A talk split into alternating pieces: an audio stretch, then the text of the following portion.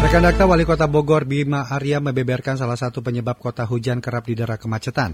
Bima menyinggung keberadaan angkutan kota yang jumlahnya mencapai ribuan hingga Bogor dijuluki sebagai kota seribu angkot. Oleh karena itu, pemerintah kota Bogor berencana akan mengkonversi ribuan angkutan kota menjadi bus dan untuk mengurangi kemacetan yang terjadi di Bogor selama ini. Efektifkah rencana tersebut diterapkan untuk mengurangi kemacetan di Bogor? Untuk membahasnya kami telah bersama dengan pengamat kebijakan publik Haryadin Mahardika. Dokter Radio, bijak dan cerdas. Assalamualaikum Pak Haryadin. Waalaikumsalam Mas Rudi. Ya, seberapa besar Pak efektifnya rencana kebijakan tersebut sebagai solusi kemacetan di Kota Bogor?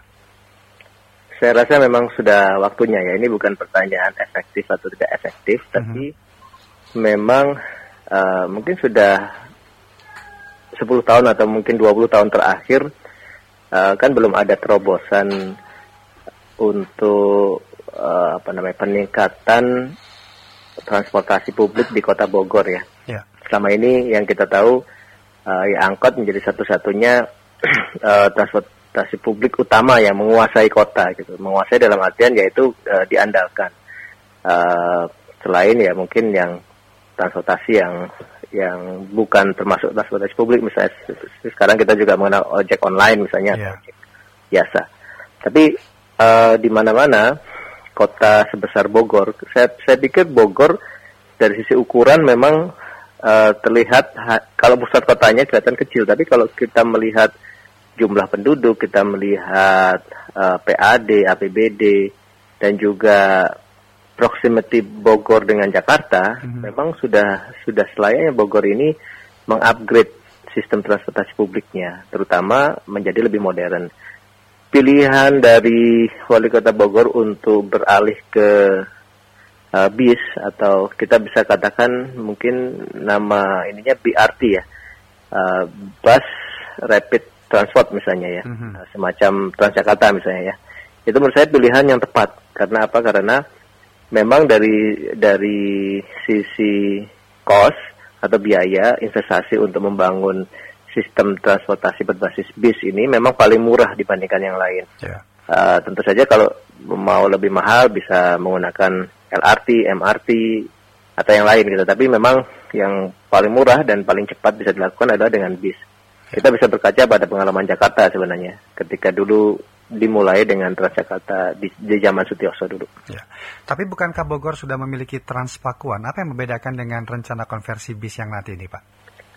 Ke, ya mungkin akan membedakan seharusnya ya, mhm. meskipun mm -hmm. kita uh, belum mendapatkan apa namanya rancangan atau master plan yang utuh, uh, kemungkinan yang membedakan nanti akan ada dedicated lanes atau jalur khusus seperti Transjakarta. Karena tanpa itu tentu saja akan mem akan membuat uh, transportasi publik yang baru ini mungkin tidak ada apa namanya tidak ada keunggulan yang yang bisa menjadi apa namanya menjadi pilihan masyarakat gitu misalnya kalau dengan jalur khusus kan akan lebih cepat tanpa macet ya. di tempat waktu dan sebagainya dan sebagainya dan sebenarnya satu lagi yang mungkin uh, juga kita harus uh, tunggu dan uh, mungkin perlu juga kejelasan informasinya dari pemerintah Kota Bogor adalah uh, bagaimana nanti nasib angkot yang nanti akan dikonversi ini. Yeah.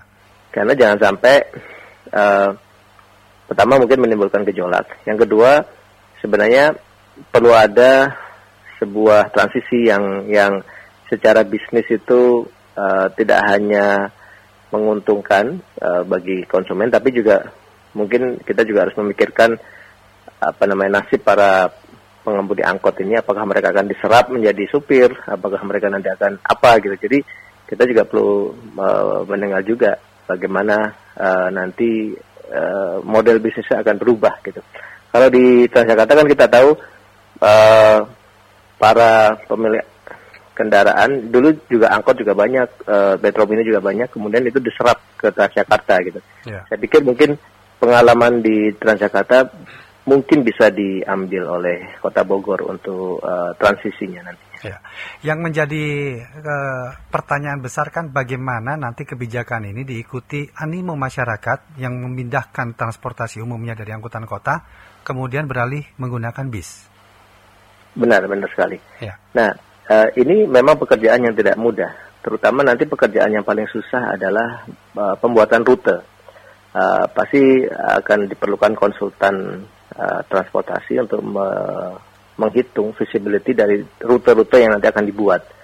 Uh, karena nanti uh, rute dan uh, kemudian mungkin jaringan transportasi publik yang akan dibuat nantinya itu akan menentukan apakah masyarakat itu merasa uh, transportasi publik ini membantu dia apa tidak gitu. Karena uh, meskipun rutenya banyak misalnya, tapi kemudian masyarakat merasa rute-rute ini tidak tidak memecahkan masalah transportasinya, justru membuat misalnya menjadi lebih lama atau menjadi lebih ribet gitu, mungkin masyarakat tidak akan uh, apa tidak akan memakai uh, transportasi publik yang baru ini. Nah, itu nanti pekerjaan yang berat karena memang kita tahu Bogor tidak uh, jalanan Bogor atau sistem uh, jalan yang ada di Bogor ini memang lebih kompleks ya, mm-hmm. tidak tidak tidak straightforward seperti misalnya di Jakarta misalnya, sehingga mungkin perlu difikirkan dan perlu dibuat oleh nanti konsultan siapa pun nanti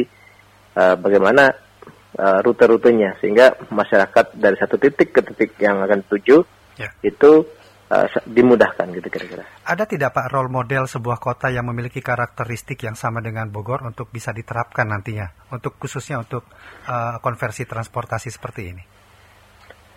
Mungkin kalau di Jakarta uh, belum ada ya bahkan hmm. saya melihat uh, sebenarnya karakteristik Bogor mirip dengan Bandung sebenarnya mungkin ya. Uh, hmm. Jalannya banyak juga yang kecil gitu ya, tidak banyak jalan yang besar dan luas dan lurus begitu. Banyak jalan-jalan kecil yang hidup jalan jalan kecil yang itu maksud maksud saya uh, jalan-jalan uh, itu bisa dilalui gitu dan memang yeah. selalu di, dipakai uh, sebagai rute terdekat oleh masyarakat. Begitu juga dengan Bogor gitu banyak shortcut shortcut gitu. Nah uh, menurut saya tidak ada contoh di di, di Indonesia justru ini mm-hmm. akan menjadi uh, peluang nih bagi Bogor untuk dijadikan benchmark oleh kota lain uh, karena saya belum pernah melihat di Indonesia ada uh, sistem bis rapid transport BRT yang yang yang masif begitu ya yeah. dan menyeluruh dan bagus yang bisa diterapkan uh, di sebuah kota di Indonesia. Mungkin di luar negeri banyak tapi uh, menurut saya tidak apple to apple untuk membandingkan yeah. dengan luar negeri. Yeah. Tetapi apakah memang untuk kasus Bogor ini uh, uh, penyebab utama kemacetan adalah keberadaan angkot yang begitu banyaknya? Uh, saya rasa sebenarnya tidak hanya angkot tapi juga ukuran jalan, ya. kemudian uh, konsentrasi konsentrasi keramaian itu juga uh, ada di beberapa tempat dan itu menjadi bottleneck ya, ya. yang sering kali jarang di, di diselesaikan gitu ya. Itu yang juga menjadi problem. Tapi memang uh, saya bisa katakan 25% dari penyebabnya adalah uh, jumlah angkot yang sangat banyak.